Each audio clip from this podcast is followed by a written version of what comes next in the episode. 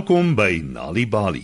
Dis tyd vir 'n storie, 'n tyd waarin ons allerlei plekke besoek en verskillende mense ontmoet.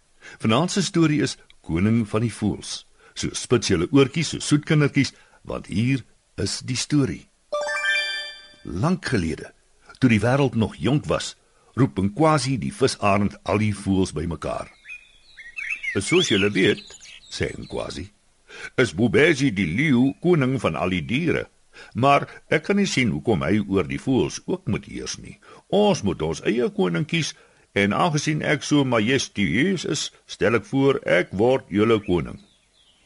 Al die voëls begin chirp en kwetter totdat een stem bo die ander uitklink. Dit is waar, quasi. Jy is majestueus, sê die reuse arend uil Kova. Maar my eislike groot oë sien alles wat gebeur. Dit maak my baie wys en 'n koning het wysheid regtig nodig. Die voels chip hard totdat die gompou ngiti praat. Hmm, ek dink ek moet koning word. Konings moet groot en sterk wees en ek is die heel grootste voël van julle almal.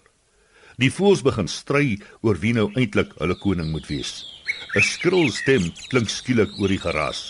Wag 'n bietjie almal vir julle. Ek dink ek moet koning wees.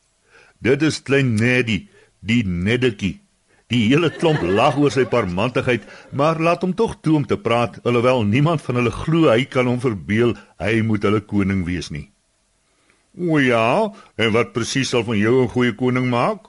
vra Nkwasi nadat almal ophou lag het. "Ha, en nee veel nie," sê Neddy. "Maar ek behoort ook 'n kans te staan net die res van julle." "Nou goed," sê Nkwasi. Kom ons hou 'n kompetisie. Al die voëls hou van die idee. Hulle stem saam dat op die eerste dag van die volmaan, wanneer die son aan die hoogste bergpiek raak, sal hulle almal deelneem aan 'n kompetisie om te kyk wie die hoogste kan vlieg. Die wenner sal dan koning van die voëls word. Die groot dag breek aan en die voëls wag almal geduldig vir die son om op te kom. Hoewel klein Neddy vasberade is om deel te neem, weet hy hy is nie sterk genoeg om hoog te vlieg nie. Maar hy maak 'n plan. Net voordat die voëls begin vlieg, kruip hy stilletjies onder 'n quasi se vlerkvere in. Die visarend is so besig om die son dop te hou dat hy niks agterkom nie. Die oomblik toe die son aan die hoogste bergpiek raak, vlieg die voëls in die lug op. Baie gou word party van hulle moeg en draai om. Net die visarend en die gompou bly oor. Kova die uil val eerste uit. Terwyl hy aarde toe val om te land, vlieg en quasi en giti al hoër en hoër. Maar na ruk kan die swaar gompou dit nie meer uithou nie. Ag, quasi! roep Niti hartseer terwyl hy grond toe swiep. Jy wen! Wee! skree die visarend triomfantlik. Hy skraap sy laaste bietjie krag bymekaar en vlieg selfs hoër. Maar dan hoor hy skielik 'n stemmetjie wat hom terg. En nie so haastig nie in quasi. Chip Neddy. Hy skiet onder 'n quasi se vlerk uit en vlieg geënt hoër as hy. Jy het nog nie gewen nie. Die arme visarend. Hy is te uitgeput om hoër te vlieg. Met 'n kreun swiep hy terug aarde toe. Die ander voëls is woedend oor Neddy se skelmstreek. Die oomblik toe hy op die grond land, storm hulle op hom af. Maar voordat hulle enigiets kan doen, glip die klein voeltjie in 'n verlate slanggat in. "Kom uit!" skree al die voëls. Kom kry die prys wat jy verdien. Almal pas die hele nag lank die gat op, maar Klingedi bly net waar hy is. Kom ons maak buurte om wag te staan, sê en quasi die volgende oggend. Kova stem in om die eerste skof te doen terwyl die ander gaan slaap of gaan jag. Hy wag 'n hele ruk, maar daar is steeds geen teken van Neddy nie. My oë so sterk, sê Kova vir homself. Ek het net een nodig. Ek gaan my regteroog toemaak en my linker een gebruik om wag te hou.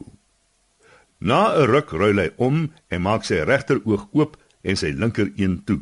Dit gaan 'n hele ruk lank so aan totdat hy vergeet om een oog oop te hou en vas aan die slaap raak.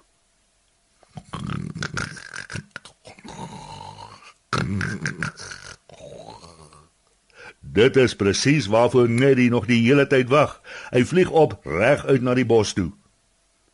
"Jou stommerik!" Skreeu quasi wat sien hoe net in die bos verdwyn toe hy Kova kom aflos. Jy het aan die slaap geraak. Kova kry so skaam dat hy besluit om voortaan net snags te jag en bedags te slaap sodat die ander voëls nie kans kan kry om hom te terg nie. Intussen fladder Neddy in die bos rond en gaan sit nooit lank genoeg stil om gevang te word nie. En wie word toe koning? Die voëls is so kwaad vir Neddy dat hulle nooit 'n koning kies nie. Dus is niemand die koning van die voëls nie. Weet jy dat deur tuistories vir kinders te vertel en te lees help om hulle beter te laat presteer op skool?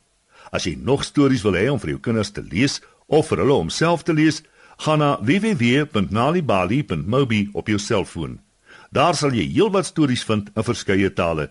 Jy sal ook wenke kry oor hoe om stories vir kinders te lees en met hulle te deel sodat hulle hulle volle potensiaal ontwikkel. Story Power, bring dit huis toe.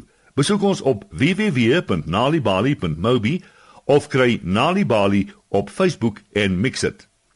Die Nalibali byla met pragtige stories en heelwat aktiwiteite is beskikbaar in KwaZulu-Natal, Sunday World Engels en isiZulu, Gauteng, Sunday World Engels en isiZulu, Vrystaat, Sunday World Engels en Sesotho, Weskaap, Sunday Times Express Engels en isiXhosa. En Ooskaap, The Daily Dispatch Dinsdae en The Herald Donderdag Engels en isiXhosa.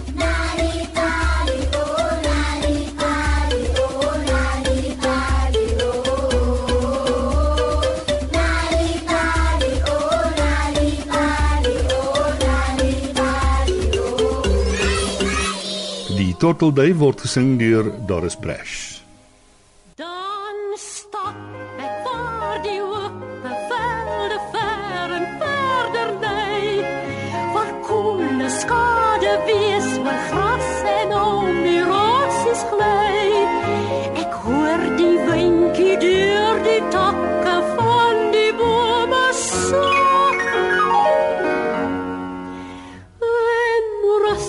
Rustig swief tortelduif se kurkur deur die lug. Die helder hemel buig tot waar die groen tapijt opgroet. Ek ruik die geur van aarde en ek proe die gras is soet. Die wolkies maak 'n agtergrond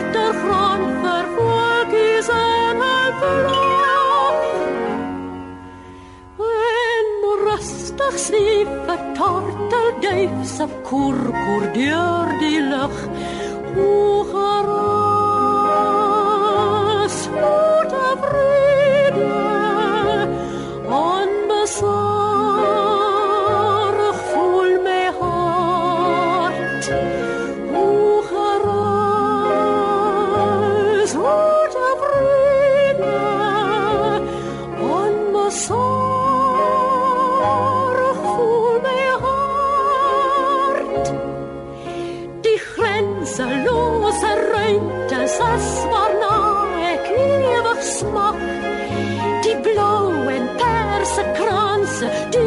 die verte teer versag.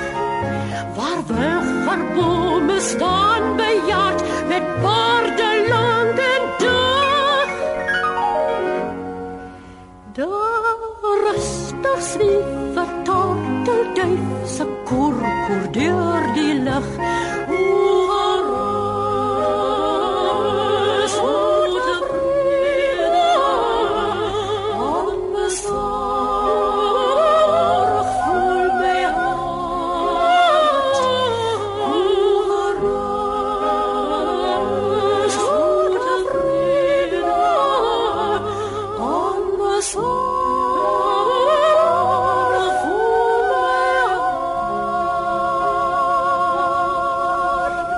Brash met Die Tortelduif.